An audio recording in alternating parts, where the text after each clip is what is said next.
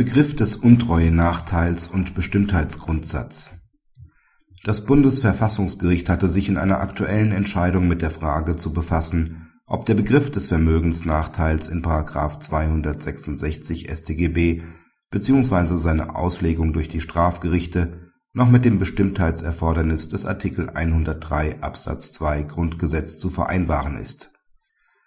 Der Beschwerdeführer war wegen Untreue verurteilt worden er hatte als Notar die Auszahlung von Darlehensvaluta angeordnet, die im Rahmen eines Grundstückskaufs auf einem von ihm verwalteten Notar-Anderkonto hinterlegt worden waren.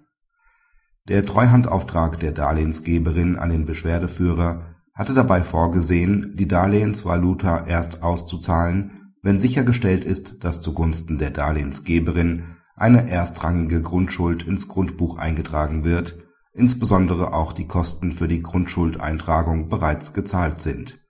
Den Umstand, dass der Beschwerdeführer die Darlehenssumme bereits vor Klärung der Kostenfrage auszahlte, so dass der Darlehensgeberin nur ein unbesicherter Rückzahlungsanspruch entstand, hatten das OLG sowie die Revisionsinstanz, auch der BGH mit Entscheidung vom 17.07.2007, als einen Vermögensnachteil in Form einer schadensgleichen Vermögensgefährdung gewertet nach Ansicht des Beschwerdeführers verletzte diese Auslegung des § 266 Absatz 1 StGB den Bestimmtheitsgrundsatz des Artikel 103 Absatz 2 Grundgesetz, weshalb er Verfassungsbeschwerde erhob.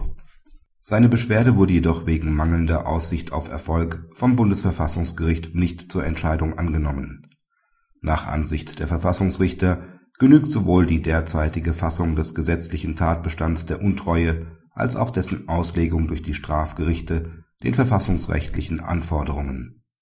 Der Tatbestand des § 266 StGB ist zwar sehr weit gefasst, dennoch können ihm durch die üblichen Auslegungsmethoden hinreichend scharfe Konturen gegeben werden. Diese ermöglichen es dem Einzelnen, den durch die Strafnorm geschützten Wert sowie das Verbot bestimmter Verhaltensweisen zu erkennen. Auch die Auslegung des Begriffs des Nachteils durch die Strafgerichte ist nicht zu beanstanden. Dies gilt auch für die Einbeziehung schadensgleicher Vermögensgefährdungen. Allerdings bewegt sich die Auslegung hier an der äußersten Grenze der Zulässigkeit. Um zu vermeiden, dass das Verletzungsdelikt der Untreue in ein Gefährdungsdelikt umgedeutet und die Strafbarkeit zu weit in den Versuchsbereich vorverlagert wird, müssen die von der Rechtsprechung entwickelten Abgrenzungskriterien daher strikt beachtet werden unter Zugrundelegung dieser Kriterien waren im vorliegenden Fall nach Ansicht des Bundesverfassungsgerichts die verfassungsrechtlichen Anforderungen gewahrt. Denn die vorzeitige Auszahlung führte wegen der fehlenden Sicherheiten zu einer Gefährdung des Vermögens der Darlehensgeberin in einer Weise, die zeitnah und unmittelbar in einem endgültigen Vermögensverlust umschlagen konnte.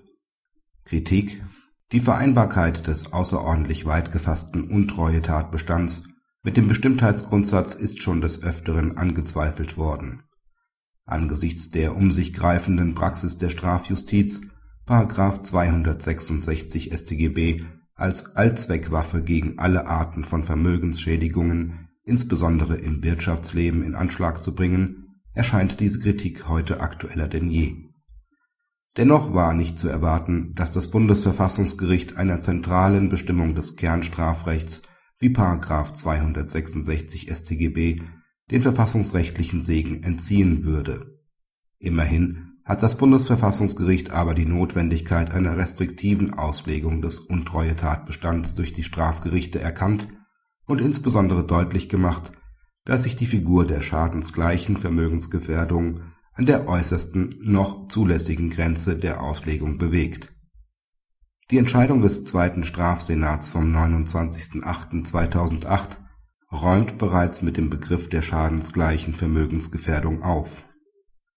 Die Entscheidung des Bundesverfassungsgerichts muss man zum Anlass nehmen, sich auf eine restriktive und trennscharfe Auslegung des Nachteilsmerkmals zu einigen